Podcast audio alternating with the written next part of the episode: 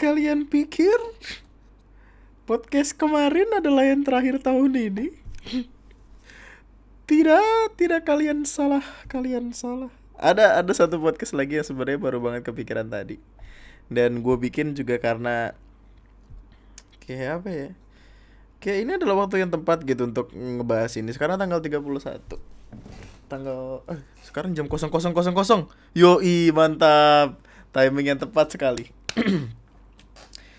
Jadi sekarang sudah tanggal 31 Desember 2019 podcast kali ini akan gue dedikasikan uh, buat ngucapin terima kasih kepada tahun ini. Dan gue pengen nge-recap apa-apa yang udah gue lakuin selama satu tahun ke belakang.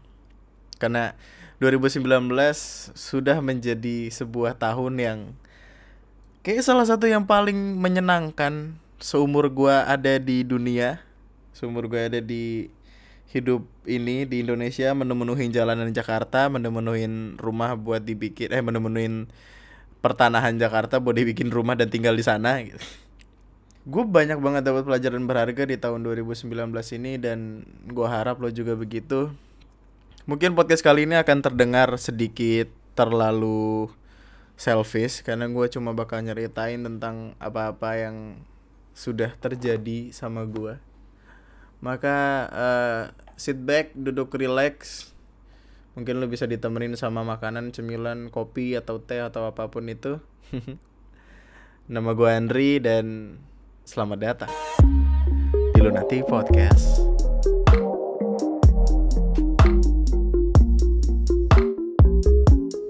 Ada beberapa hal yang pengen gue garis bawahin.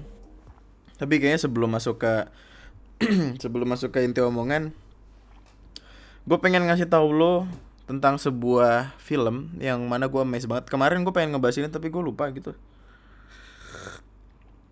Jadi ada sebuah dokumenter gitu dari Netflix original by Netflix tentang uh, Luka Magnota. Gimana sih pronunciationnya kalau Inggris? Luka Magnotta gitu gitulah dan judulnya itu Don't Fuck with Cats. Itu serial Netflix yang punya tiga episode. Jadi masing-masing episode satu jam. Dan dang, itu adalah salah satu dokumenter yang paling paling bikin gue emes, paling bikin gue tertarik. Dan nontonnya tuh jadi nggak ada jeda gitu. Maksudnya kalau misalkan film-film lain yang berepisode berepisode gue bakal cenderung males buat ngelanjutin kayak di episode satu biasanya gue udah nonton sampai habis sampai akhirnya gue nggak berminat. Terus kayak gue bakal yang oh ya udahlah ntar aja ntar aja. Tahu-tahu nggak nggak lanjut lagi. Don't fuck with cats. Itu bener-bener ngebikin gue pengen pengen tahu aja gitu pengen tahu lagi pengen tahu terus ini bahasan tentang apa. Jadi sederhananya uh, ini mungkin eh jangan spoiler deh. Ya lu tonton aja deh itu seru deh Ntar gue kayak waktu itu anjing diomelin gara-gara spoiler lu bang anjing. Apaan sih? Kenapa gue di anjing-anjing gitu uh, Yaudah lu bisa tonton sendiri itu nanti. Uh, Punya Netflix, langganan Netflix. Meskipun harus kepikiran besok makan apa nggak apa-apa. Udah lu langganan aja dulu deh mantap. Eh BTW Indo XXI 2020 udah nggak udah nggak bakal ada lagi loh. Sekarang kan dia uh, berubah nama jadi ID ID ID Tube apa kalau nggak salah ya kayak anak anaknya Indo XXI cuman Indo XXI-nya sendiri udah ngasih notif gitu kayak 2020 1 Januari uh, Indo XXI akan berhenti menayangkan film di website ini gitu gitulah gue sempat gue sempat gue bahas gue bikin videonya di TNM kalau lo pengen nonton tonton aja. Lumayan juga buat nambah-nambahin AdSense. Eh enggak neng itu Demonetize, demonetize, demonetize, demonetize, demonetize. Tidak ada iklan, tidak ada, tidak ada, tidak. Sudah jangan berharap terlalu banyak dari YouTube sekarang udah makin strict banget parah sih. Nggak kayak nggak kayak awal-awal pertama kali gua nge YouTube. Mungkin ada beberapa dari lo yang pertama kali ngikutin podcast ini karena tahu dari YouTube gitu dan uh, gue mau ngucapin makasih, terima kasih banget udah menjadi uh, saksi dari perjalanan perjalanan YouTube apa per YouTubean duniawi gue kayak gitu. Karena tadi gue juga lagi lagi ngobrol-ngobrol sama Ara gitu tentang tentang perkembangan yang gue rasain selama beberapa eh enggak deh gue baru baru fokusin ya itu setahun inilah gitu. Terus gue kayak ngedengerin podcast gue yang episode 1 tapi di YouTube. Karena gue kaget ini podcast podcast ini busuk banget nih dibikin Februari. Masih masih uh, trial banget lah. Masih gue nyoba-nyoba masih gue berusaha buat nemu titik ini sama itu gitu. Tapi udah ditonton. Ya Allah bengek. Tapi podcast gue itu ditonton sama lebih dari 100 ribu. Eh ditonton lebih dari 100 ribu kali. Wow damn. Gila sih gue kayak serius lu 100 ribu kali diputer dengan dengan tanpa uh, tanpa visual yang nyata gitu. Maksudnya cuma spektrum bulat getar-getar gitu doang. Ya well meskipun gue juga nggak tahu apakah orang itu nonton sampai habis atau enggak tapi kayak dengan angka kayak gitu gue ngerasa anjir ada loh podcast yang yang di YouTube ditaruh dengan tanpa visual tuh angkanya bisa segitu gila gila. Terima kasih banyak lah terima kasih gue ngeliat perkembangan gue gue sadar gitu. Eh yang lucu adalah episode 1 gue opening masih yang kaku banget kayak episode kali ini datang. Eh episode kali ini datang dari minggu pertama di bulan ini ini, ini. nama gue Andri dan selamat datang di Lunati Podcast. Gitu kaku banget. Kayak BH baru kak. Astagfirullahalazim ya Allah. Kenapa kelemparnya ke sana? Kenapa ke sana Terus kemudian uh, episode 2 mulai mendingan, episode 3 mulai mendingan, tiba-tiba di episode 4 tau-tau langsung kayak episode kali ini datang dari ya Allah teriak-teriak. Gue kaget dengernya sumpah. Buat lo yang uh, penasaran lo bisa denger aja deh anjing episode 1 gila gue kaku banget. Terus gue ngomong kan uh, untuk episode-episode awal tuh kayak apa ya? Unscripted banget lah gitu. Maksudnya gue pengen ngomong ya gue ngomong aja gitu sesuai apa yang gue resahkan dan itu tuh biasanya jedanya banyak makanya itu editingnya aja tuh perlu perlu sejam atau dua jam sendiri gitu untuk podcast yang cuma sekian puluh menit kayak 40 menitan gue lupa dan itu banyak e e nya gitu kayak eh eh gitu. kayak kayak orang betahak eh gitu kayak diem diem diem diem bingung gitu loh. Bingung mau ngomong apa dan mau nggak mau mesti gua cut. Makanya biasanya tuh transisi dari uh, podcast episode 1 transisi yang kayak maksudnya dari dari kata per kata itu pasti ada yang patah gitu. Ada tiba-tiba suara napas gua tiba-tiba berhenti gitu keganti. Pokoknya nggak natural lah gitu. dan itu terjadi ya karena emang baru baru mulai aja. Terus gue ngerasa ah, gimana sih mungkin ini perasaan yang sama yang dirasain sama orang-orang yang diet sampai akhirnya kelihatan hasilnya gitu. Kayak dia tuh waktu ngeliatin satu tahun lalu foto satu tahun lalu anjing gue gemuk banget gitu. Sekarang ngeliatin yang sekarang kayak wah gue udah kurusan gitu. Pasti seneng banget kan? Dan podcast gue juga berubah jadi hal yang kayak gitu karena gue ngerasanya kayak wah anjir gue berkembang banget loh. Gue gila parah sih gue dari yang kaku sekaku itu sampai bisa jadi sebrengsek ini itu tuh butuh waktu satu tahun gitu. Untuk bisa dengan lepas ngata-ngatain orang tuh butuh satu tahun untuk belajar. Jadi buat siapa pun lo yang mikir kalau podcast itu bisa secara instan lo bikin dan lo nggak mau belajar gue kasih tahu kagak mungkin. Belajar. Semangat. Ya. Ya Allah gue mulai eh kita kita kita uh, poin pertama kita membahas tentang podcast tadi deh. Uh, eh, gue mulai lu nanti podcast awalnya itu ditaruh di anchor kayak biasa eh sponsor tercinta kita. Uh, itu gue upload pertama kali bulan Februari tanggal 5 2019 wow itu 10 bulan yang lalu. Iya gak sih? Iya yeah, 10 bulan yang lalu damn. Butuh waktu sebegitunya lama loh. Awal pertama kali niatan gue ngebikin podcast adalah karena gue udah mulai kehilangan teman-teman gue maksudnya gue kehilangan waktu untuk bersama teman-teman gue jadi gue cuma punya sedikit waktu untuk bercerita yang mana itu kayak malam minggu minggu juga ya mungkin kalau teman-teman gue nggak sibuk gitu. Tapi Februari kan gue masih jadi budak korporat ya. Masih jadi jadi orang yang bekerja jam 8 masuk jam 5 pulang kadang jam 9 jadi itu rada susah buat gua uh, untuk ketemu teman-teman terus cerita gitu. Akhirnya kayak gue mutusin ah, anjing udah cerita sendiri aja dah bodo amat ada yang dengerin sama kagak yang penting lu lempar aja dulu udah kena kagak belakangan gitu. Dan gue lakuin gue lakuin sempet goyah tuh di bulan-bulan pertengahan deh Agustus Agustus September. Mungkin gue mulai goyah. Gue sempet yang tiga minggu gak ngupload podcast. Orang pada nyariin bang podcast mana bang? Bang podcast mana bang? Bang baso bang bang. Makan bang. Gitu gitu episode pertama tuh busuk banget karena gua mulai dengan uh, mikrofon yang koneksinya pakai koneksi eh yang colokannya itu pakai konektor 3.5 jack 3,5 jadi dimasukinnya ke sound card gitu. Nah laptop gua ini rada-rada gimana ya ngomongnya brengsek lah. Kayak berak laptop gue kayak berak pokoknya. Dia tuh suara noise nya bener-bener kerasa banget gitu loh gue inget kalau nggak salah episode 4 atau 5 ya ada suara kayak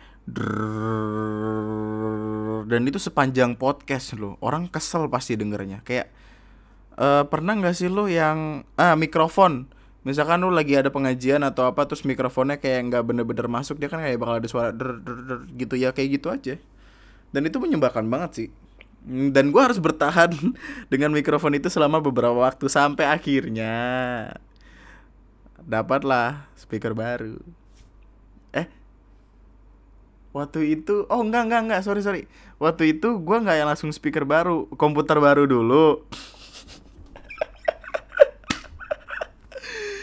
Flexing terus flexing terus.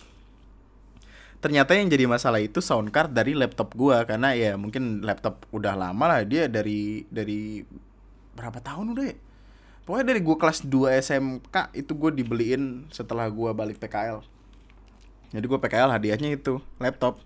Karena gua PKL di tempat itu bokap sendiri anjing. Kelas 2 SMK iya kelas 2 SMK meskipun nggak di nggak ada orangnya gitu meskipun bokap bokapnya nggak ada tapi kayak gue PKL di situ. Kelar kelar PKL dapat laptop aja lumayan lah. Lenovo G400S yang uh, udah tiga atau empat kali gue pecahin LCD-nya gara-gara gara-gara insiden lah. Yang pertama tuh anjing ini aduh. Gue pertama kali dapat laptop itu senengnya tuh bukan main. Saking senengnya kan gue anak multimedia ya orang-orang di kelas gue biasanya itu dia bakal bawa laptop. Ya untuk sekedar ngetik-ngetik untuk sekedar ngedit-ngedit di sekolah gitu. Gue yang pertama kali punya laptop eh pede dong wah bangga dong langsung. Hari kedua laptop itu ada di rumah gue bawa ke sekolah. Gue bawa ke sekolah gue taruh tas. Begonya tas gue itu bukanlah tas yang uh, ada ada ada selak apa ada celah buat masukin laptop gitu loh. Maksudnya ada bagian yang buat laptop. Ya lu tau lah gitulah. Intinya tas ada tas dalamnya laptop sisinya yang lain. Ah berak lah itulah. Itu nggak ada nggak ada nggak ada buat nyimpen laptopnya. Jadi ya dibawa aja gitu terus gue itu balik sekolah nih balik sekolah kan kita nggak langsung cabut kan biasa ngegibahin guru dulu kan. Guru ini ini guru ini, ini gitu. Di kelas nih terus gue kayak ingin menyombongkan diri. Ini alasan kenapa kita tidak boleh menjadi pribadi yang sombong ya. Tidak boleh takabur menjadi manusia karena nantinya akan diazab oleh Tuhan yang maha esa. Duduk nih uh, sebenarnya gue bukan bukan tipikal orang yang kayak eh gue punya laptop baru mau lihat gak gitu. Bukan kayak gitu. Lebih ke kayak uh, eh, gue duduk terus gue ngeluarin laptop aja gitu. Anjing waktu itu bocah banget. Fuck fuck. Salahnya adalah gue duduk di gue duduknya di bangku yang lu tau gak sih tipikal bangku yang ada tutupnya gitu loh. Kayak kayak bangku perkuliahan yang bangku terus langsung ada mejanya tapi dia versi yang kayu doang gitu yang tebel. Duduk tek. Ternyata tas gue ini kelonggaran jadi agak ngegantung gitu. Dan waktu tasnya tasnya gue dudukin langsung kepentok bangku. Waktu gue buka anjing groak atasnya pecah. Aduh ya allah langsung lu tahu kan kalau monitor kena pecah atau apa itu dia bakal kayak ada retakan-retakan gitu kayak spider web gitu. Anjing itu langsung gua gua, gua buka laptop nih. Terus temen gue yang itu nanya eh kenapa nih laptop lu? Oh enggak ini wallpaper. Terus gue tutup lagi gue taruh tas anjing malu. Aduh ya allah ya allah. Enggak wallpaper. Aduh. akhirnya itu dibenerin diganti LCD-nya karena 550 gue masih inget banget waktu itu. Soalnya masih uh, apa keluaran baru kalau nggak salah waktu itu. Lenovo tuh masa jayanya kayaknya waktu gue SMK deh. Terus uh, oh ya kita balik lagi ke podcast kenapa jauh banget? Gue ngebikin di laptop itu karena emang ya tidak ada medium lain gitu. Gue sempet yang namanya ngebayarin notebook temen gue 800 ribu tuh buat ya buat ngerekam doang gitu. Jadi gue kalau ngerekam di notebook karena itu dia sound cardnya masih bagus dan suaranya masih jernih gitu. Seenggaknya masih ya kayak gini lah gitu. Maksudnya noise noise nya tidak terlalu terdengar. Yaudah gue nge-record di notebook pindahin ke laptop edit edit selalu kayak gitu. Cuman capek juga. Akhirnya ya kekumpul uang yang cukup untuk membeli peralatan tempur yang lebih proper yaitu komputer. Dan alhamdulillahnya kesampaian deh. Dan ini sampai sekarang baru kemudian gue beli uh, mikrofon yang lebih lebih nyaman ini dan lebih enak buat dipakai. Gue seneng banget makanya karena suaranya uh, sebagus ini dan dia pakainya USB jadi nggak pakai sound card jack 3,5 kayak di headset itu. Jadi langsung USB aja. Jadi buat siapa pun lo orang di luar sana yang kepikiran banget kayak bang gimana ya caranya nggak bikin podcast ya?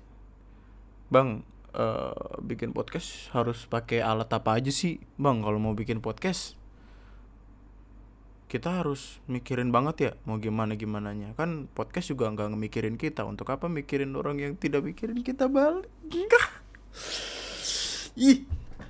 Nggak maksudnya adalah kalau lu nunggu terus lu kapan jalannya? Kalau lu nunggu terus lu kapan mau mulai buat ya ngasih tahu dunia kayak eh gue punya ini loh menarik nggak? Gitu. Untuk ngasih tahu dunia kalau kita tuh ada gitu tidak sebagai orang yang selalu menikmati karya orang lain dan terpaku sama itu dan marah-marah ketika karya itu tidak keluar. Gua sampai akhirnya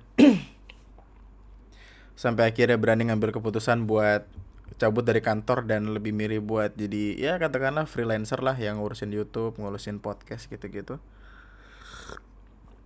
Semuanya dimulai dari sebuah headset. Warna putih yang mikrofonnya sember yang uh, apa yang buat di kupingnya itu bagian kanannya udah mati udah nggak bunyi tinggal kiri doang yang nyala. Dan itu pun punya temen gua karena waktu itu gua masih miskin dan gua nge-record dari notebook. Gua pertama kali mulai nge-YouTube bikin video sesampahan di YouTube pakai earphone punya temen sebelahnya udah mati dan ya sekarang gue ada di titik ya sekarang ini gitu. maksudnya adalah ketika lu nggak mulai jangan bermimpi.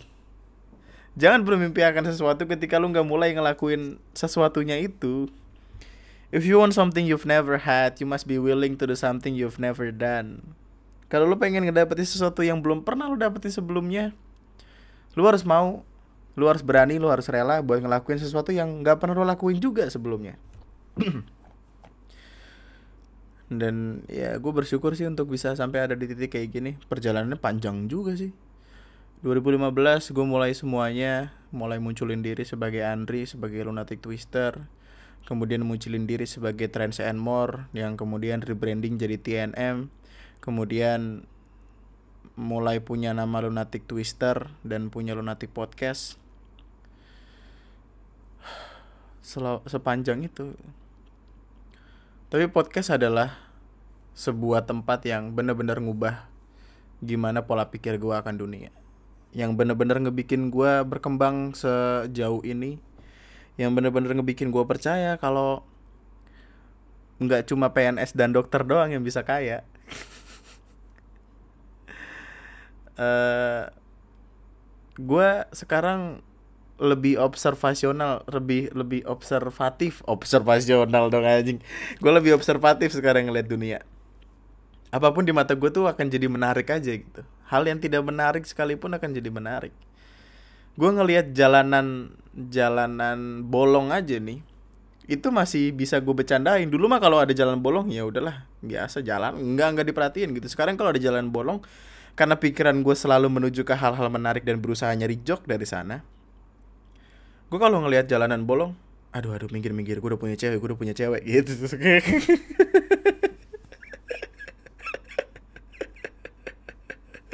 Aduh ya Allah kenapa joknya ke sana? Maksud gue intinya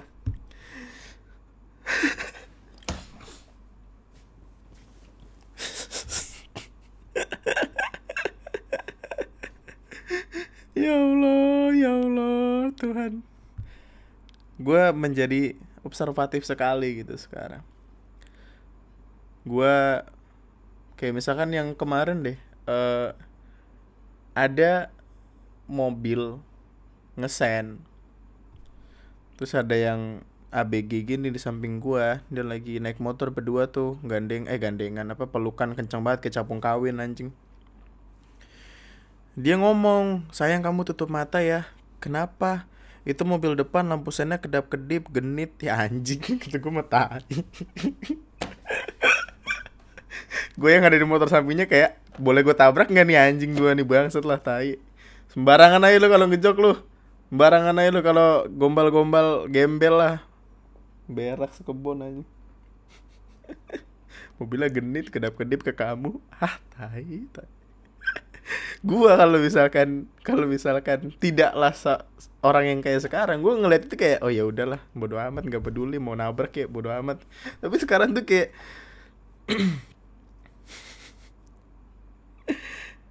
makanya ini adalah salah satu alasan kenapa teman-teman gue tuh selalu marah ketika gue ketawa kan apa pun yang mereka ceritakan gitu. Kayak gue udah sempat bilang ini deh anjing itu selalu lucu untuk gue ingat.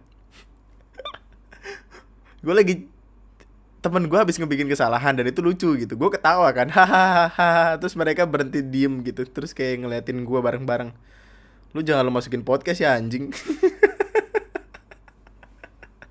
Salah gue apa? Perasaan gue hanya menikmati hidup. Jangan lu masukin podcast ya anjing. Gitu.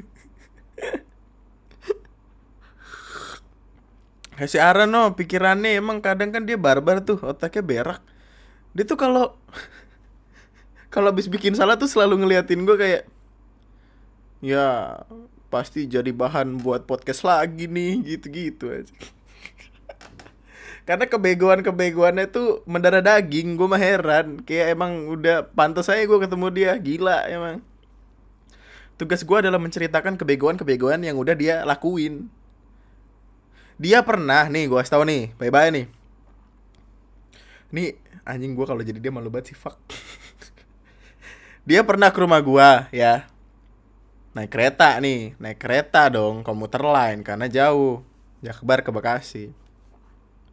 Dia make imani gitu kan make imani. Imaninya udah tipis-tipis kayak itu saldonya jadi kayak ya udah bisanya cuma buat naik kereta doang. Udah udah pede nih karena dia kan nganterin temennya dulu kan ke Senen apa ke, ke Senen apa Glodok Senen ya? Stasiun Senen gitu. Terus dari Senen di Senin itu dia ke Alfamart dong. Lapar katanya. Katanya itu kan dia bangun pagi nih. Anjing ketawa gue nggak boleh sih sebenarnya cerita sambil ketawa ntar temen lu nganggep lu so asik. Dia ke Alfa nih lapar. Udah ngambil roti sama aqua. Dibawa ke kasir. Udah ngantri dengan PD dengan kepedean yang luar biasa. Ditaruh di meja kasir terus dia nyari duitnya. Tidak ada nyari ATM lebih tidak ada. Terus dia kayak yang dengan muka memelas gue anjing gue ngebayangin lucu pasti. Ya mbak. Saya duitnya nggak ada. Terus mbak kayak sedih gitu. Gue gue anjing gue bingung banget ke mbak gimana reaksinya. Terus saya kira itu ditinggal gitu aja terus dia keluar. Ya Allah.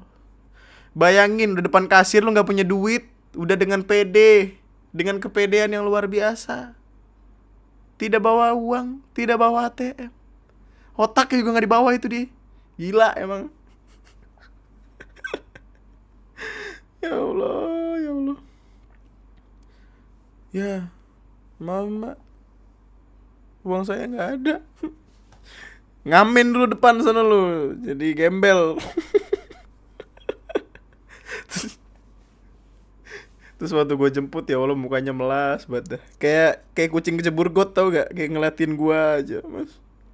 Terus taunya emang ATM dia ketinggalan apa gimana? Hilang ATM ya. Nggak hilang itu emang ATM-nya nggak pengen lu pegang aja itu. ATM-nya emang emang pengen kabur dari lu aja karena nggak nggak pengen dia punya majikan. Astagfirullahaladzim ya Allah kasar banget. Maaf maaf. I love you. Kayak kemarin deh kencing seribu berak dua ribu I love you three thousand. Iya. Aduh ntar kata kasarnya gue sensor tit gitu nggak sopan. Menyenangkan lah menyenangkan. Untuk menjadi podcaster ngubah sudut pandang gua akan dunia ngubah sudut pandang gua akan berbagai macam hal. Gua berubah jadi tipikal orang yang tidak lagi uh, ngambil dari satu sudut pandang aja gua ngambil dari dua sudut pandang yang berbeda supaya supaya seenggaknya bisa tahu kayak apa ya yang sekiranya dipikirin sama orang ini gitu. Atau gimana ya kalau misalkan gua ada di keadaan kayak orang ini gitu. Untuk mengambil sudut pandang yang yang gimana yang nggak ngejat saja. Tapi ya memang terkadang ada beberapa orang yang emang minta kita hina-hina aja. Kayak kemarin tuh mbak ngevape di kereta gila masih kesel tuh gue kayak nggak ada tempat lain aja anjing. Bingung lah uh, buat siapa pun lo yang pengen mulai nge-podcast juga uh, yang bener-bener niat gitu atau katakanlah yang lagi nyoba ya mulai dulu aja. Mulai dulu pahami dasar-dasarnya cari diri lu tuh mau ke mana gua aja tuh baru berani bilang kayak oh ternyata gua tuh begini. Ya setelah satu tahun gua ngepodcast eh ya setelah 10 bulan gua ngepodcast itu dan nemuin diri gua gitu. Gue nggak nggak mungkin yang kayak dari episode 1 sampai episode 3 udah kayak yang wah ini gue podcaster begini nih gaya gue begini. Ya. Harus ada proses penemuan dulu di sana. Gue harus nemuin gue maunya ke mana gue sukanya ngomong gimana sudut pandang gue tentang sesuatu itu kayak gimana uh, ya. Tapi sebagai promo lagi kalau lu masih pengen ngedengerin tentang cerita-cerita dunia perpodcastan datang ke sharing-sharing podcast bersama Stefani Chandra dan Lunatic Twister. Tanggal TBA to be advised. Nantilah sabar ya. Lalu uh, gue juga 2019 adalah uh, sebuah tahun yang gue rasa sangat krusial untuk bagian penulisan gue. Buat lo yang belum tahu, gue tuh mulai semuanya, mulai nama Lunatic Twister itu dengan atau dari tulisan-tulisan gue. Bahkan dulu uh, Januari Januari gue sempet pengen nge challenge ngasih challenge ke diri gue sendiri dengan bikin 365 series. 365 series adalah sebuah serial tulisan yang gue bikin niatnya untuk satu tahun. Satu tahun setiap hari gue nulis kasih satu tulisan gue taruh di line. Tapi di hari ke ke, ke berapa ini? Hari ke 30 nggak nyampe malah 30 waduh. Oh nggak nyampe. Hari 36 gue berhenti. Apalah Andri yang tidak punya konsistensi ini apalah tapi gue mulai belajar banyak dari dari tulisan-tulisan gue tuh bener-bener yang di awal tahun gitu loh. Kayak lu kalau misalkan lu ngelihat IG gue ada beberapa tulisan di sana kayak yang tidak sadar terus kamu bukan robot terus uh, Jogja itu tulisan-tulisannya emang gue bikin waktu Januari dan bisa dibilang adalah tulisan yang sangat amat gue banggakan gitu. Karena tulisan itu tuh bener-bener apa ya merepresentasikan gue dengan detail yang sangat amat uh, pas. Nah anjing gue nyari, nyari kata pasnya susah gila. Uh, eh, gue aduh sumpah, sumpah. Kemarin kemarin ada yang komen kayak gimana di di di foto kamu? Yang uh, Mas Andi kalau kalau misalkan fokus niat itu bisa bikin buku gitu-gitu sempat ada yang komen dan komennya itu kayak bener-bener nampar gue banget kayak plak gitu. Ah harusnya gue sadar. Bentar bentar. Uh, eh, gue cari deh. Instagram Instagram.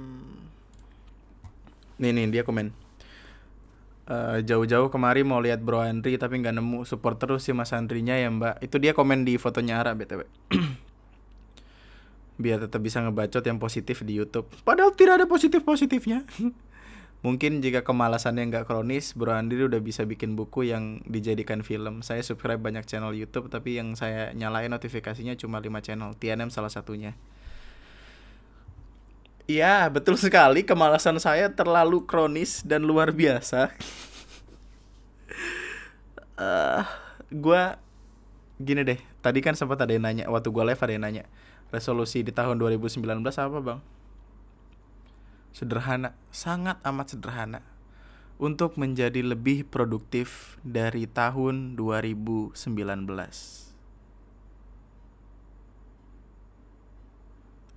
Tadi bilangnya tahun resolusi 2019 ya tipe tipe ngomong tipe. Ah ya lah kayak netizen lu tipe dikit di komentarin lu. Iya resolusi tahun 2020 terima kasih. Terima kasih. Assalamualaikum Beijing. Waalaikumsalam Paris. Tau gak ada filmnya itu dua tuh?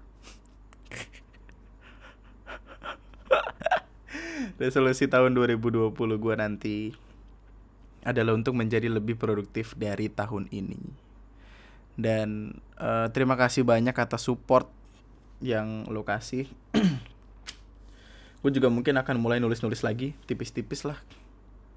Gue gue nggak tahu kenapa seneng aja gitu untuk ngupload di IG dan banyak yang komen dan banyak yang nge-like gitu. Kayak mungkin kalau gue masih lah orang yang sama 2000 eh masih lah orang yang sama kayak 2018 yang gue baru banget uh, dikenal orang itu gue pasti bakal star syndrome tuh. Yakin yakin gue tapi gue merasa beruntung karena pertama kali gue uh, katakanlah dikenal orang lah dari tulisan. Jadi star syndrome gue ya ketika gue nulis aja gitu ketika sekarang gue uh, punya subscriber sekian lah punya follower sekian lah ya gue udah biasa aja gitu karena masa-masanya udah lewat dan ke star sindromannya itu juga nggak yang tiba-tiba likes tulisan gue 999 waktu itu gue sempat bikin tulisan sampai 15 ribu likesnya di line. Anjing gue kaget kan. Itu gue nggak yang semerta-merta bikin meet and greet. Kagak lah kali. Ngapain amat gue ayo meet and greet yuk hand sign. Ayo tanda tangan mau gak tanda tangan di jedat nih. Tulisan gede kalau bisa lu tato. Dah kagak. Ngapain? Gue cuman eh uh, kayak salah satu hal yang paling paling mudah untuk kita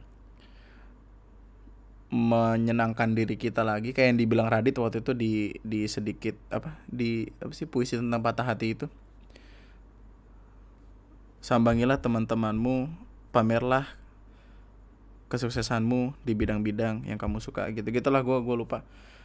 Kayak gue gue dengan dengan ngebikin teman-teman gue kesel kayak yang eh lihat nih liatin tulisan gue masa anjing dah isinya bang ACC FRK eh enggak ACC FRK ACC FRK gitu. Gitu dulu anjing gue ketawa dah seneng gue dan ini star syndrome cuma sampai itu aja gitu.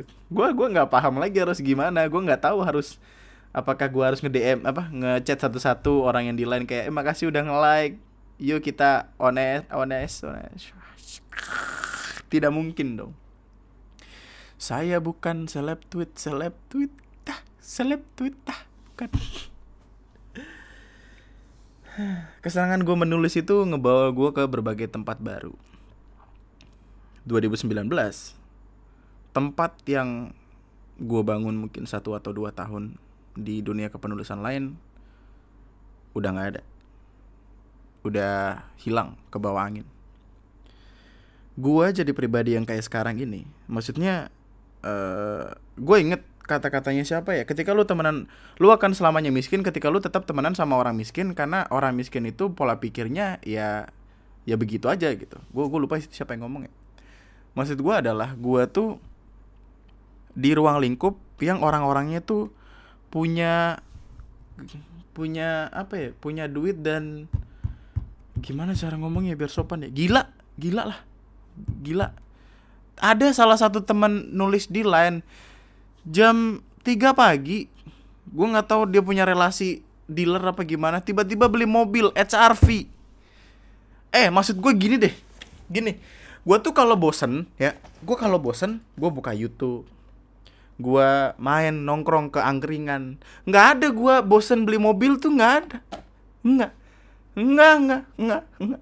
Gue mentok-mentok paling jauh kalau misalkan bosen gue ke kotu. Panas-panasan nggak apa-apa dah beli mobil bosen beli mobil anjing. Gue bosen beli Ciki Zeki tau gak? Ciki Jaguar biar dapat jam. Jam yang nyala nyala kalau dipencet. Lu nggak tahu tawan aja lu orang kaya nggak paham dah tuh.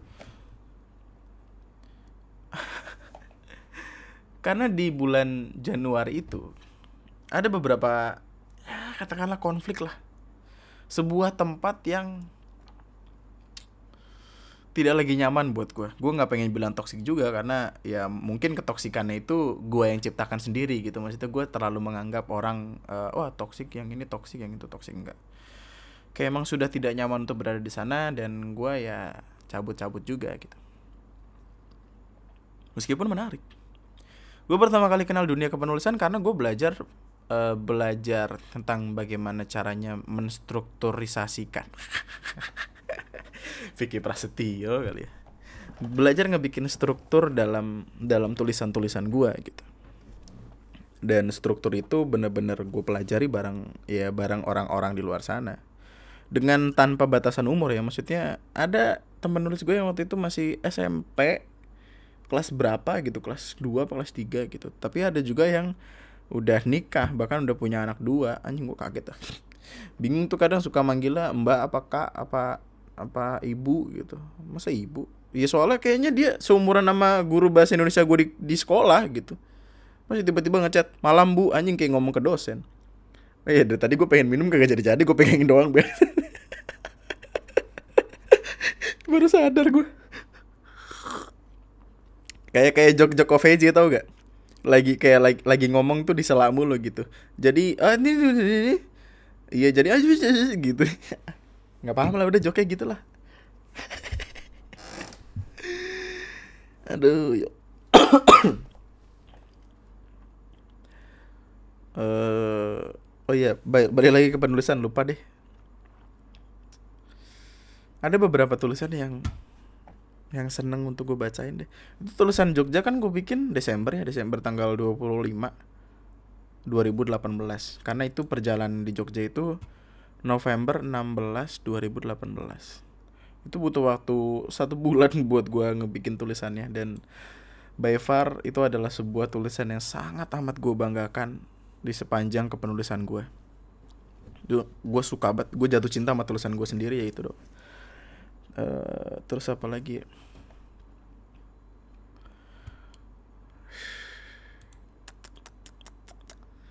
mau mau gue bacain beberapanya nggak? Kan kayak lumayan promosi. Oh ini nih, nih. Malam tadi setelah selesai menghabiskan jagung dan ayam bakar yang terkena hujan aku membunuh waktuku dengan melamun seperti hari-hari biasanya. Bedanya lamunan semalam lebih panjang karena berisi hal-hal yang rasanya pantas untuk kutarik dari ingatan. Banyak lara namun tak sedikit juga bahagia. Dan bagian kehilangan adalah yang paling lama kubiarkan bersandar. Karena untuk pertama kalinya, setelah lebih dari sekian tahun aku hidup di dunia, aku akhirnya bisa berdamai dengan diriku sendiri untuk membiarkan, merelakan. Banyak orang-orang hebat yang kutemui, banyak sosok-sosok baru yang berusaha mendatangkan nyaman tapi kemudian menyerah karena keadaan. Tapi aku tidak menyalahkan mereka. Aku malah bersyukur mereka telah ada. Dari kecil, aku selalu percaya kalau hal yang paling berjasa menjadikan kita manusia adalah pendidikan dan pengalaman. Jadi, Untuk apa aku harus menyesal atas pelajaran-pelajaran baru yang sudah dengan hebat kudapatkan? Kemudian, mulai dari hari ini, aku akan menyiapkan diriku untuk bertemu dengan orang-orang baru lagi. Aku akan bersiap untuk belajar dan mendapatkan pengalaman baru lagi. Karena seperti analogi sebuah buku, setiap akhir adalah sebuah permulaan baru. Yeay, eh, so sweet. uh, apalagi ya? Lucu sekali ketika mendapat arahan dari orang-orang kalau cara menghilangkan bosan paling gampang adalah dengan mencintaimu. Padahal yang mendatangkan bosan paling hebat justru caramu menghindariku. Kapan gue bikin tulisan-tulisan kayak gini ya brengsek juga sih. uh, apalagi ya?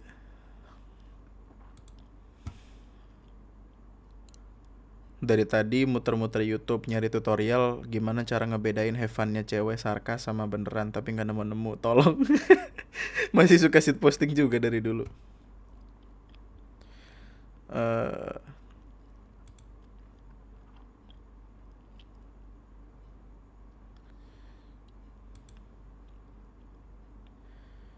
bagiku mengejarmu tak ubahnya bunuh diri karena tubuhku akan dibuat mabuk oleh setiap jatuhan aksara yang kamu patri. Padahal nyatanya, bulir-bulir katamu itu juga kamu beri pada tubuh lain yang selalu mencarimu kala malam menyepi. Kamu adalah sosok paling lihai dalam membuat orang jatuh hati. Hanya butuh hitungan detik, dan makhluk mana pun yang melihatmu akan langsung memiliki hasrat untuk menjadikanmu istri. Sayangnya, kamu melupakan satu aturan yang harus ditaati yaitu adab untuk menghargai.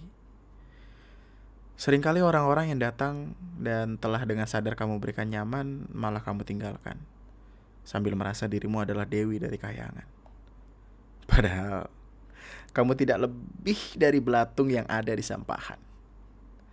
Sungguh sayang, indah yang diwariskan dunia malah telah salah kamu pergunakan. Waktu itu ini tulisan ada temen gue ya. Temen gue ini sumpah temen gue beneran.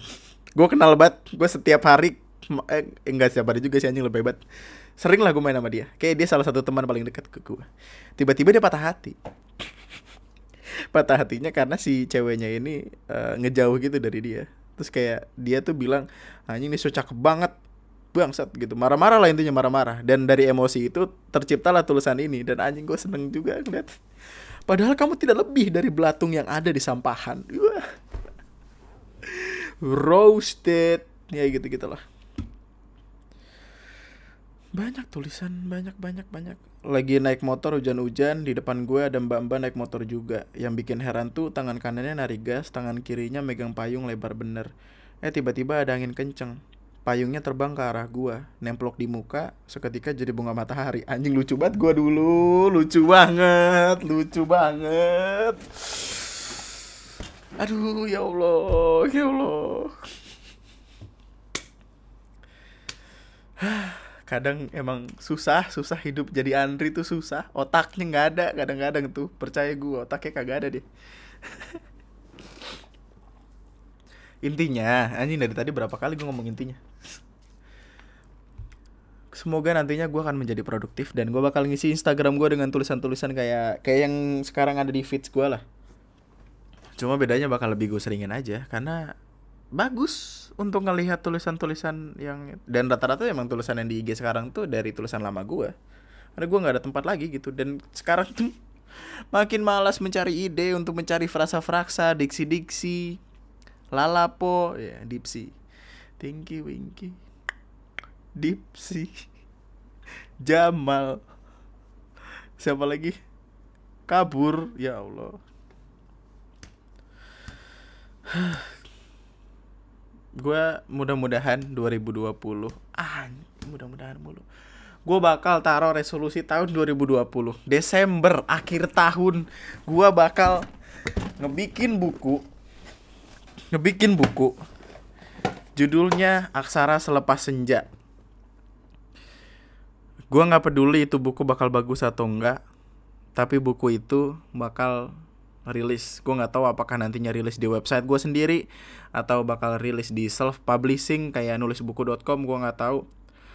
Uh, semangat Andri. Kalau anda kalau lu ngedengerin podcast ini lagi Andri ya nih gue kasih tahu nih akhir-akhir Desember nih nangis aja lu kalau belum jadi skrip apa-apa. Naskah naskah belum jadi lu gila lu. Eh selalu tahu nulis tuh gue udah sempat nulis uh, draft satu. Tapi naskah ini sangat amat busuk karena terlalu terlalu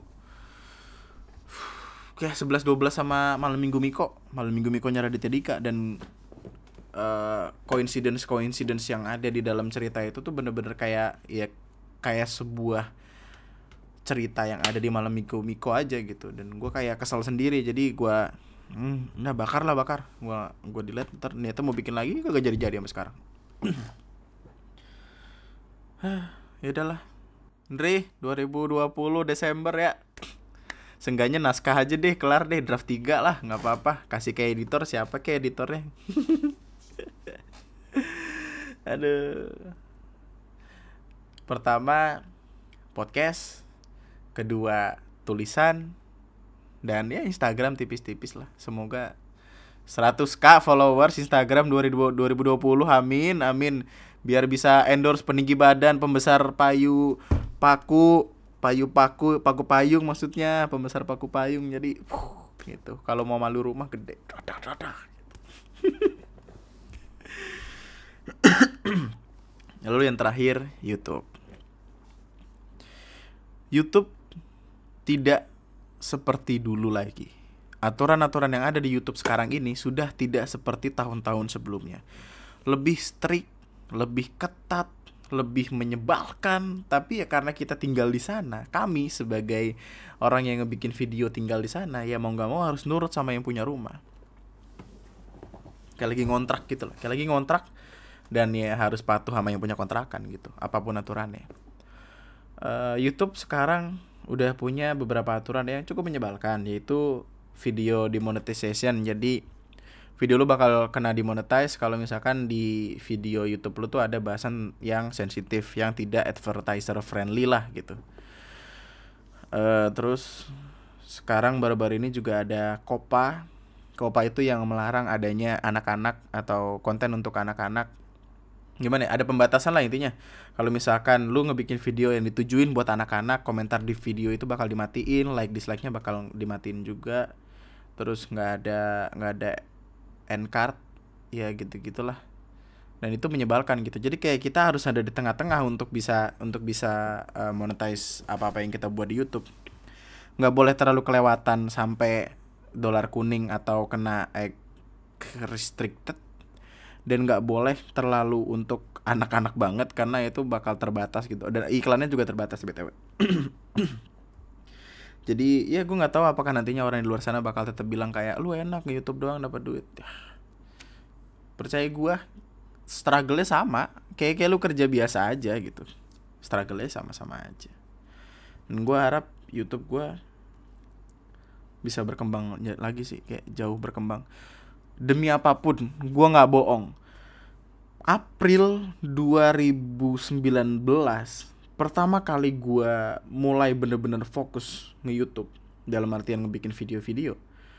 Gue tuh nargetin anjing 2019 100 ribu subscribers. Silver play button ada di rumah. Kaget gue Juni udah 100 ribu. Ya Allah sujud syukur gue di di pesawat. Susah sih cuman bayangin bayangin aja dulu lah sujud syukur di pesawat kan agak-agak rada-rada gimana gitu. Hayatin menghayati. Ayo tutup mata bayangin sujud syukur di pesawat. Itu gue seneng ya bukan main. Dan gue seneng banget ketika orang-orang tuh kayak ngeliatin video gue nontonin video gue terus kayak sejenak lupa sama permasalahan hidup mereka terus lebih seneng ketawa atau seenggaknya marah-marah lagi karena ada orang yang dibahas di video itu bikin dia kesel.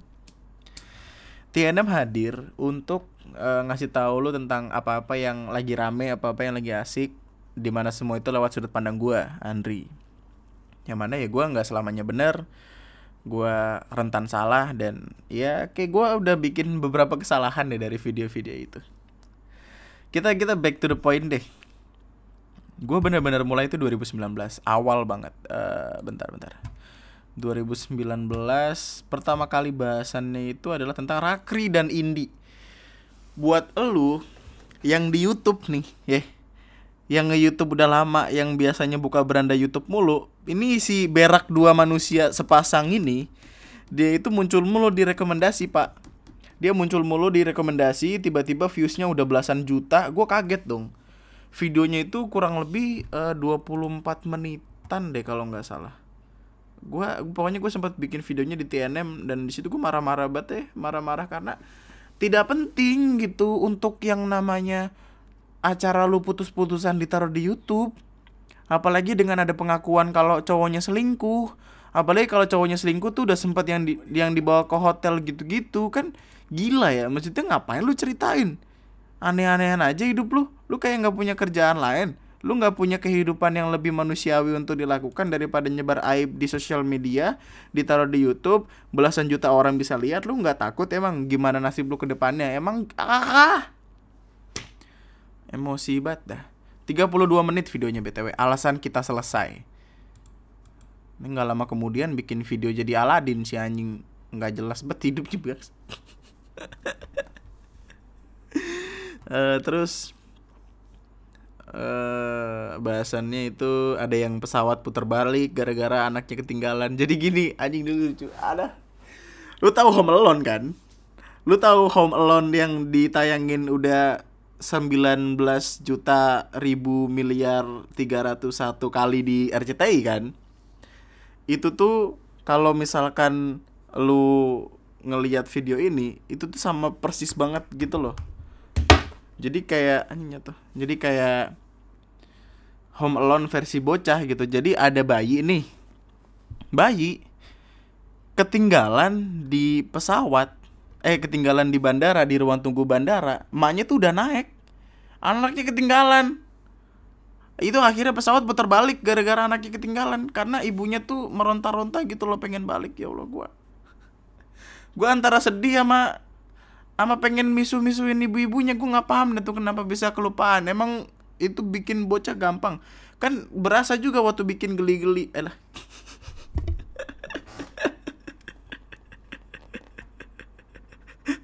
aduh ya Allah. terus uh, ngomongin Ata aduh Ata tuh kayak kayak sebuah sebuah sosok yang apa ya sebuah sasaran yang empuk banget gitu loh untuk orang-orang yang kesal sama dunia per YouTubean kayaknya tuh standarisasinya selalu Ata gitu. Dan gue gue nggak tahu gue nggak akan nggak akan mampu untuk jadi Ata dengan dengan merasa dia keren dan angka yang setinggi itu tapi kayak nggak dapet respect dari orang-orang. Dari beberapa orang lah nggak orang-orang juga. Terus ya lu cinta Luna lu cinta Luna. Gue ngomongin lu cinta Luna beberapa kali dan viewsnya lumayan lah. Terus ada pengemis naik mobil. Ini ini lucu banget sih anjir.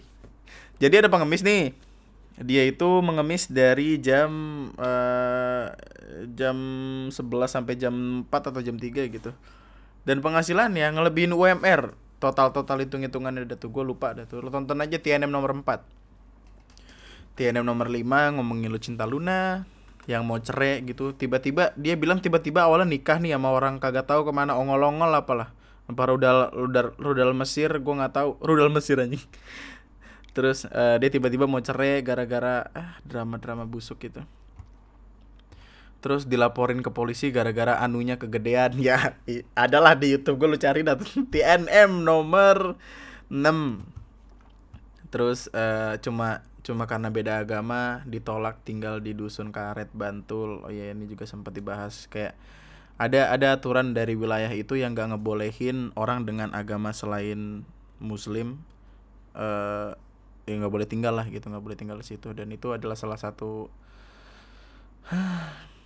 kayak apa ya kayak pencorengan pencorengan apa sih namanya? Kalau kalau misalkan itu kalau misalkan harus bersatu-satu uh, apa namanya? Toleransi gitu kayak mencoreng nama toleransi gitu loh gue bahas juga terus lucunya ujian nasional gue bahas terus Panji Panji Pragiwaksono yang bilang kucing hewan gembel yang sempat rame itu sembilan. Nah kemudian breakdown momennya breakdown poinnya adalah perkara Audrey 8 bulan lalu.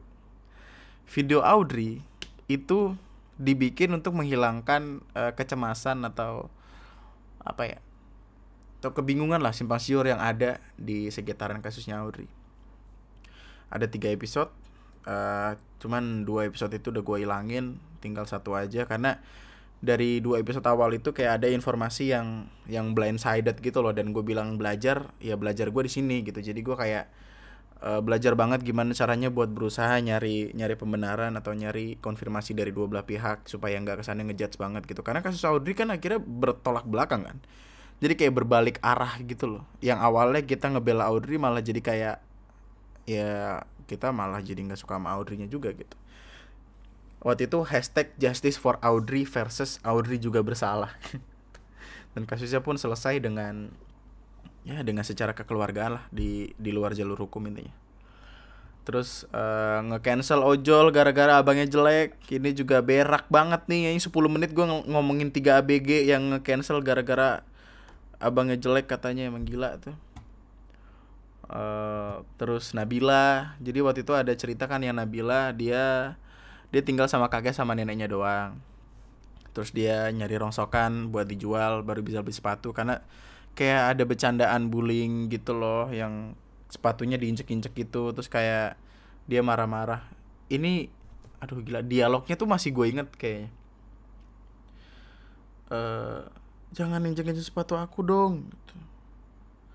terus ada ada ada anak yang nanya kayak eh ada yang ngomong kayak ya kamu kan sepatu juga dibeliin orang tuanya gitu. terus si Nabilanya teriak kayak aku tuh nyari rongsokan sepulang sekolah baru bisa beli sepatu. Kalian main enak punya bapak punya mama gitu gitu bapak aku udah nggak ada ibu aku udah nggak ada gitu. Aku tinggal sama nenek aku cari rongsokan. Ya allah. Eh, dan setelah itu juga uh, Nabila langsung dibantuin sama netizen netizen kita tercinta. Awalnya beritanya kesebar di Twitter terus orang pada nyari alamatnya terus pada pada ngebantuin kehidupannya Nabila ya dan berakhir dengan baik gitu Terus uh, ngomongin sexy killers juga, sexy killers adalah sebuah pembahasan yang sangat amat ngebikin kepala gue pusing karena di film dokumenternya itu sendiri plot twistnya di mana-mana gila. Kayak wah negara ini penuh dengan cerita yang menyenangkan. Plot twistnya di mana-mana. Patah lagi kayak kita nggak nggak pernah ngebayangin ada sosok ini di tengah-tengah itu. Terus lu cinta Luna yang berantem sama Om Deddy. tiba-tiba jakunnya kelihatan anjir. Anjir bingung gue pusing. Uh, terus uh, yang ngancurin makeup pacarnya gitu. Jadi kayak dia ngeprank terus makeup pacarnya dihancur-hancurin demi konten. Terus kayak yang iya ini prank ini prank. Terus ceweknya marah-marah karena emang ya kesel aja gitu. Kenapa sih harus dihancurin demi konten lu yang gak seberapa itu terus bla bla bla bla bla bla uh, drama drama Dedi sama Vincent Vincent Raditya yang yang apa lisensinya dicabut gitu-gitu. Terus yang udang dua ratus delapan puluh lima ribu dibuang terus pop mie dua puluh ribu. Terus uh, Bu Ana tuh warung mahal warung mahal itu yang yang orang makan di situ kaget tahu-tahu 180 gitu-gitu loh uh, dan beberapa video lainnya yang kayak di ukur-ukur eh di ukur-ukur digabung-gabung gitu. Ada yang Kimi Hime ada yang pembodohan eh pembohongan ekspektasi. Jadi ada cowok nih cowok dari dari dari eh iya cowok dari luar negeri kayaknya. Pokoknya TKI deh masih masih orang Indonesia juga dia ketemu cewek online gitu. Di foto-fotonya ceweknya tuh cakep. Kayak bidadari dari kayangan. Yang kayak gue bilang kemarin kalau misalkan nyamuk nempel di tangannya nyamuknya kepleset gitu saking licinnya bagian putihnya. Tiba-tiba waktu ketemu mukanya wah kayak 40 tahun lebih tua kayaknya dia sebelum foto itu dia make itu deh uh, Pons Ice Miracle. Ya itulah yang jadi 10 tahun lebih muda. Dia makanya empat kali gitu kan. Jadi kayak set set, set gitu. Jadi empat kali lebih muda terus difoto gitu. Terus dibuat nipu orang. Ya Allah sedih banget terus uh, Aukarin exposure terus dua semangka mantul-mantul ya Allah. Terus yang ospek barbar yang disuruh naik tangga yang suruh uh, minum jadi kayak air dilepeh terus sampingnya suruh minum terus dilepeh terus suruh minum gitu kayak ya biasalah ospek ospek bocah gitu yang apa senior senior goblok lah ini terus KPAI sama PB Jarum yang KPAI nggak pengen PB Jarum uh, ngiklan di baju-baju apa baju jersey bulu tangkis anak-anak karena dianggapnya eksploitasi anak uh, SpongeBob ditegur KPI yang lucu banget. SpongeBob perkara SpongeBob ditegur sama KPI ya Allah. Uh, terus baku hantam yang rebutan rendang ternyata iklan. RKUHP nih. Nih. Materi ini belum sempet gue bahas. Belum sempet eh gue nggak tahu apakah gue sempat ngomongin ini sempat nyinggung ini sebentar atau enggak lupa gue tapi kasus RKUHP nggak gue lanjutin beritanya nggak gue lanjutin obrolannya karena sangat amat membahayakan karena sangat amat berbahaya bahkan untuk uh, siapa pun yang ada dalam video itu. Jadi di tanggal aduh lupa gue lagi. Pokoknya demo itu harusnya dua hari. Tanggal 23 ya kalau nggak salah ya 23 sama 24 iya 23 eh 24 sama 25 24 sama 25 nah tanggal 24 eh enggak 23 24 25 tiga hari iya enggak sih taruh gue cari tahu dulu deh demo demo 24 September hmm. ya seingat gue sih ah dua hari deh dua hari dua hari dua tiga sama dua empat dua tiga sama dua empat karena dua dua lima itu anak STM udah tanggal 23 gue nggak datang yang padahal tanggal 23 adalah uh, damai-damainya tuh. Maksudnya masih adem ayem tuh tanggal 23, 23 September. Besoknya gua tuh kayak apa ya? terenyuh gitu loh ketika ketika uh, Manik Margana Margana Margara apa Margana Mahendra ya kalau nggak salah uh, ketua BEM UI teriak kayak kami tidak percaya dengan wakil rakyat kami sendiri. Terus dia nyatain nyatain apa waktu itu? Uh, pokoknya Mosi Mosi tidak percaya. Ketika Mosi tidak percaya itu diteriakan. Terus kayak dia tiba-tiba bilang hidup mahasiswa, hidup bangsa Indonesia, panjang umur perjuangan. Beh merinding sebadan badan langsung kayak ah bodoh amat anjing pakai baju jalan. Gue ngajak temen gue langsung, do di mana do? Di rumah. Yuk demo yuk. Yuk jalan langsung ke GBK. Diomelin cewek gue bodo amat. Jalan jalan. Tidak masalah tidak masalah. Jalan jalan. Dan itu tanggal 24 24 gue pertama kali datang gue datang sore. Gue datang sore. Keadaannya udah uh, kayak udah rada-rada nggak kondusif karena setiap demo itu harusnya selesai jam jam 5 atau jam 6 gue lupa. Pokoknya itu udah masuk uh, udah awan-awan tuh udah mulai gelap. Karena harusnya bubar jam 5 atau jam 6 tadi itu. Dan apa mahasiswanya pada nggak mau bubar, dilemparin lah gas air mata. Gua gue datang dari GBK dari dari Gelora Bung Karno pintu utama pintu pintu satu kalau nggak salah pokoknya yang ngarah ke jalan itu itu baru sampai situ gue sama Windu nih teman gue si berak bajingan ini Windu tuh kayak nyemangatin gue gue gue dulu pikirnya kayak eh nanti dulu deh nunggu kondusif soalnya bocah-bocah apa mahasiswa pada rame kan balik Windu kayak yang ayo man ayo semangat kita harus semangat kalau uh, ini tuh kalau misalkan di perangnya Naruto Naruto, Kakashi, Sasuke itu pada di ujung man. Kita tuh baru ketemu Zetsu Zetsu putih sama Shinobi yang yang figuran doang anjing. Gue kesel denger ya kan. Ya udah, ayo udah jalan du. Baru ya 10 langkah lah. Man man bentar man mata gue perih man. Man man man man man mana mana gitu. akhirnya mundur. Tidak jadi tidak jadi melihat Naruto Sasuke. Tidak. Mundur dulu mundur. Eh mundur dulu. Terus kayak yang ah udah udah ayo, udah yuk. Gua pikir demonya itu udah di dekat situ. Karena ya asapnya udah nyampe situ kan. Udah nyampe udah nyampe GBK kan. Majulah kami maju nggak lama ya sekian meter man man man mundur man mundur. Mundur lagi balik lagi. Beli cilok lah sempat waktu itu. Beli cilok apa bakso baksoan gitu.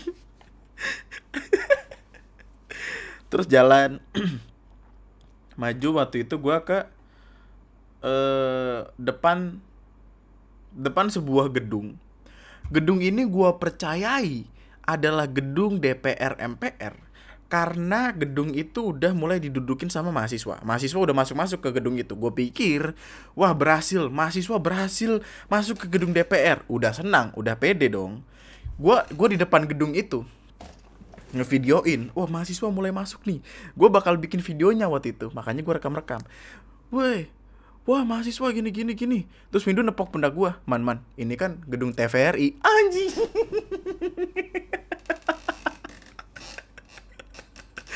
langsung malu.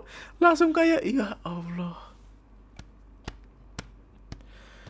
Ah masih jauh perjalanannya. Terus gue ngecek maps kan. Ternyata emang eh, gedung DPR RI sama gedung TVRI itu depan belakang gitu. Jadi kayak gue mesti mesti masih eh, kalau TVRI itu ke kiri lagi terus belok kiri lagi terus belok kiri lagi baru ketemu gedung DPR Berarti gue masih jauh dong, perjalanan belum sampai sana. Majulah lagi. Maju baru beberapa langkah tiba-tiba polisi datang. Oh, man man man man pulang man pulang pulang pulang pulang pulang. Duduk gue di pinggiran, mata perih perih perih perih. Kagak pakai odol lagi. Kagak kenal pengen-pengen minta odol, kagak enak malu. Terus kayak yang ya udahlah teriak-teriak gitu. Woi, gini gini gini. Nah, itu kan malam. Sekitar jam ya jam 7 atau jam 8-an gitu lah. Tiba-tiba ini kejadian memorable banget di gua. Eh, belum keluar kayaknya dan harus keluar. Dari arah GBK menuju DPR RI ada eh, baju putih abu-abu. Anak STM. Lu lu kalau ingat kejadian di Avengers Endgame itu tuh kayak anak STM tuh kayak yang eh on your left gitu. Terus tiba-tiba anak STM lari Avenger yo! Gitu terus kayak Captain America lagi mahasiswa nih Captain America lagi diem. Kayak lagi udah kesusahan gitu. Tiba-tiba anak STM assemble iya langsung pada lari rame banget. Gue inget lainnya itu adalah kalimat-kalimat anak STM -nya. ada yang bawa bambu, ada yang bawa bendera, ada yang bawa patahan dari kan eh, di sekitaran depan gedung TVRI itu kayak ada besi-besi buat nunjang pohon gitu kan. Kayak ada tiga gitu. Tiga disusun buat nunjang pohon.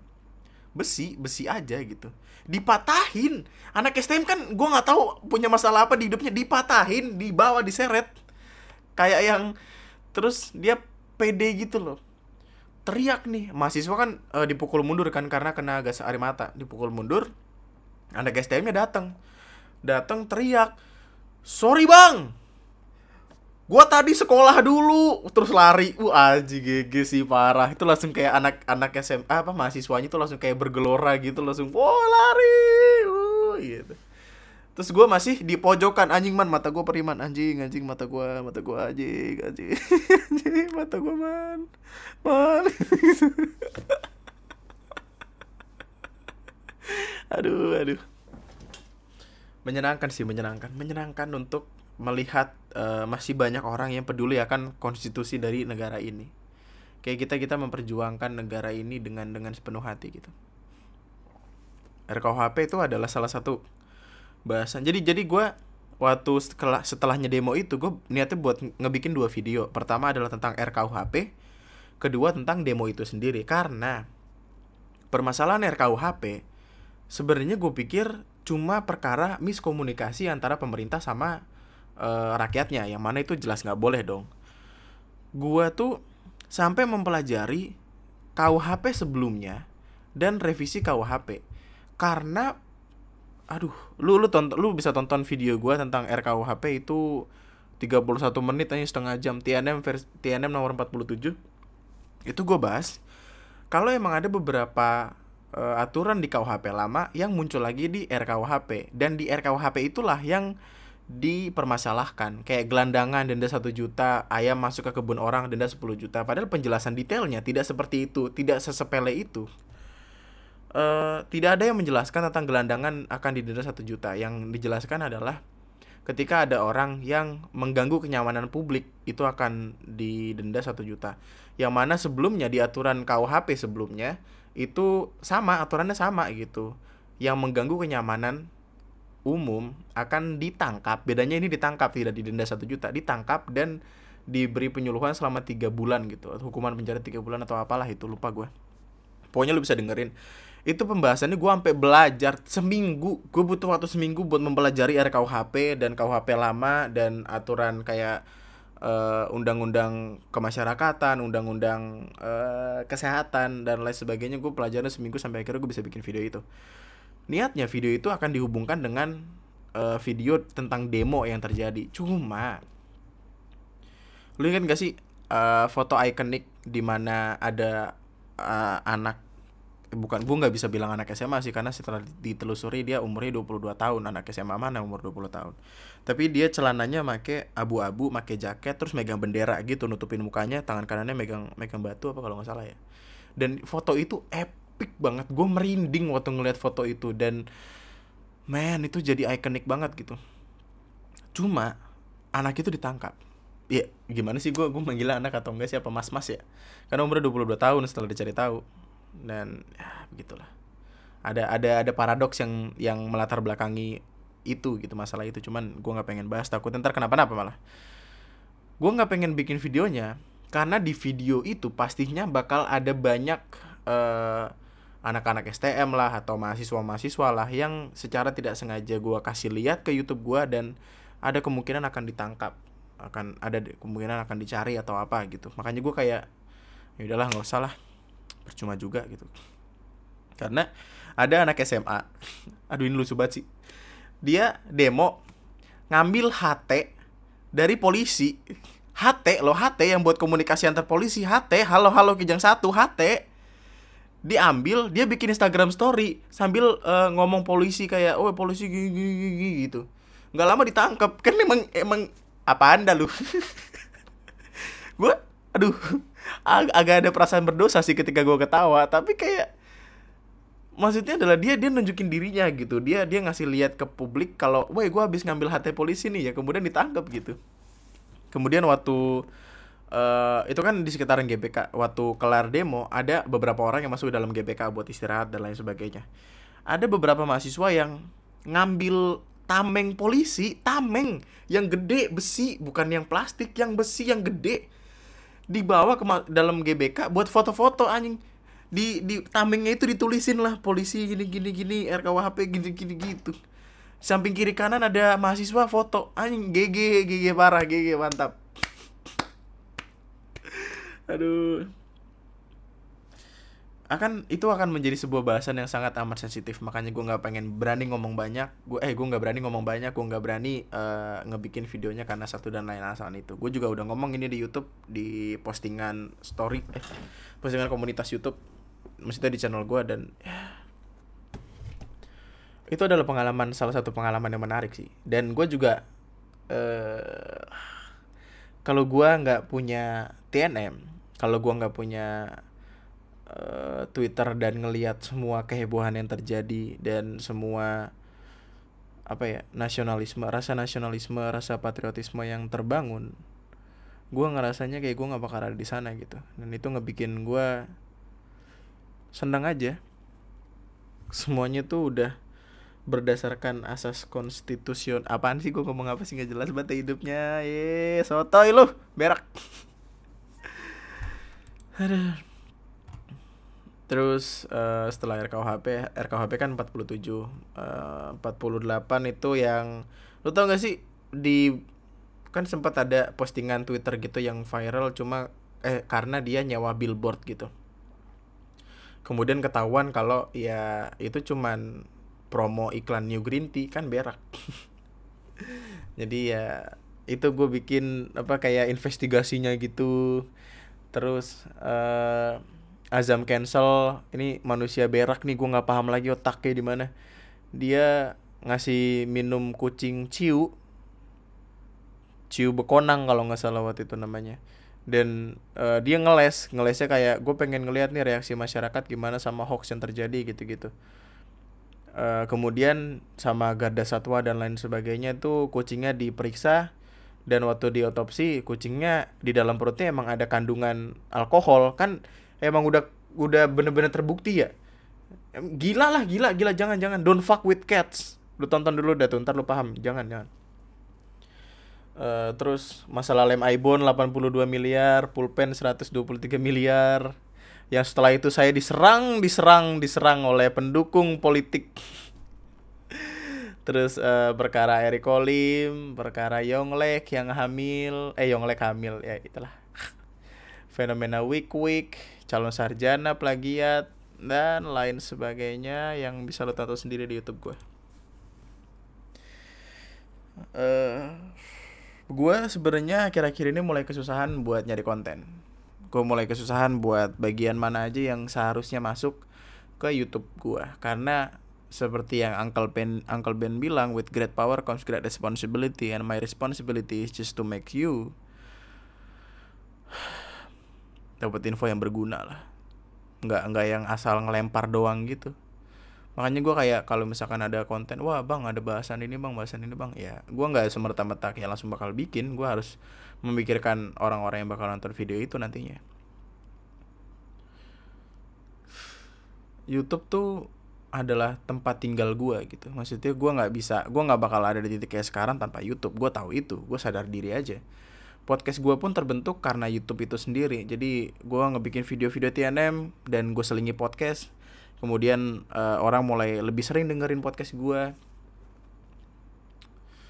dan semuanya jadi jadi bener-bener ya punya tempatnya masing-masing lah.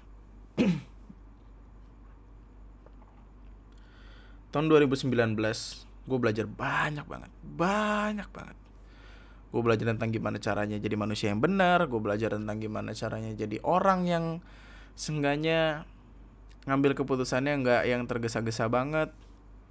Dan ya menjadi seseorang yang observatif tuh menyenangkan sih menyenangkan. Karena gue mulai memandang dunia kayak sebuah tempat yang menarik aja. 2019 gue patah hati 2019 gue ketemu cewek gue yang sekarang.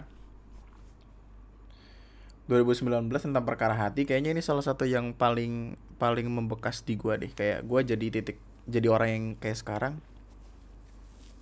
Ya karena gue dibangunin sama cewek gue yang sekarang. Kayak gue gue seneng aja gitu dia ada dan selalu ngedukung akan ngedukung apa apa yang gue buat gitu. Tapi mungkin gue kayak nggak nggak nggak pernah bener-bener proper ngomong ini sih turun tuh siapa pun mantan di luar sana. Mantan yang SMA lah yang SMP lah yang waktu pertama kali ngedet waktu gue kelar sekolah lah.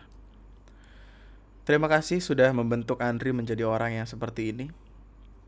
Terima kasih udah ngebikin gue jadi orang yang ya bertanggung jawab. Terus gue belajar banyak juga. Terus gue mulai jadi paham tentang bagaimana dunia ini bekerja ini akan terdengar sedikit aneh sih tapi kalau semisal gua nggak ketemu sama cewek yang gue ceritakan di podcast berbucinan 2.0 itu gua gue yakin gua nggak bakal bisa jadi orang kayak sekarang. Kalau gua nggak ketemu dia gue mungkin bakal selamanya jadi bocah-bocah so rebel yang alay dan norak yang ketemu uh, ketemu motor CBR teriak-teriak. Nggak kuat beli kan nggak kuat beli kayak salah satu titik balik kehidupan gue ya di situ gitu. Ketika gue bener-bener belajar tentang kayaknya gue juga salah kayak gue harus memperbaiki diri dalam segi ini dan itu dan itu ngebentuk gue jadi orang yang kayak sekarang. Jadi untuk siapa pun orang yang pernah singgah dan tinggal di hati meskipun tidak bisa jadi rumah dan gue seneng lo nggak jadi rumah gue karena lo nggak nyaman terima kasih banyak. Terima kasih banyak lalu uh, eh, gue gue udah bilang terima kasih buat semua pendengar semua penikmat apa apa yang gue bikin. Jadi ya udahlah nggak usah banyak banyak lu berak lu ah. It's been an amazing year. 2019 tuh gue seneng banget sama tahun ini sumpah. Tahun di mana gue berubah jadi lebih baik. Tahun di mana gue punya ya seenggaknya punya beberapa hal yang dari dulu gue idam-idamkan. Komputer nih tuh cita-cita gue dari kecil loh. Gue pengen ngerakit komputer nih dengan spek semau gue gitu. Uh, eh, gue punya uh, motor udah lunas tuh seneng banget gue ya allah lu mesti ngerasain dua tahun miskinnya kepepet-pepet. Akhir bulan tidak bisa jajan makan mie mie mie minum promah promah garam garam kerupuk cakwe cakwe. Ya allah. Gue punya kamar sendiri yang adem. Karena sebelumnya tuh kamar ini ya sepanas itu kayak kayak neraka. Anjing gue heran panas bet dah. Serius gue nggak bohong. Kalau siang tuh kan di ini dia nggak ada nggak ada plafon ya maksudnya nggak ada pembatas antara genteng asbes itu sama sama gua gitu. Jadi kayak panas sih ya udah nyek lurus aja ke gua gitu. Gua kayak yang tiap hari kayak dipanggang. Jadi gue pasang atap gue pasang AC alhamdulillah. Terima kasih banyak. Ini semua berkat lu terima kasih banyak. Dan gue minta tolong tolong tetap temani gue tolong lihat bagaimana gue bertumbuh tolong selalu ada. Dan terima kasih sih tidak tolong terima kasih. Karena gue butuh seseorang yang bisa ngedengerin gue dan terima kasih sudah hadir di tengah-tengah itu semua. Untuk ngedengerin gue marah-marah untuk ngedengerin gue misu-misu untuk ngedengerin gue ngobrol aja tentang apa yang gue alamin. Terima kasih banyak. Ini adalah podcast terakhir di tahun ini. Semoga lu bisa ngedengerinnya ya di senggang waktu senggang atau waktu mau tidur setelah tahun baru capek bakar-bakar. Itu aja buat podcast gue kali ini. Terima kasih banyak. Terima kasih banyak. Nama gue Andri. Sekian dan terima kasih 2019.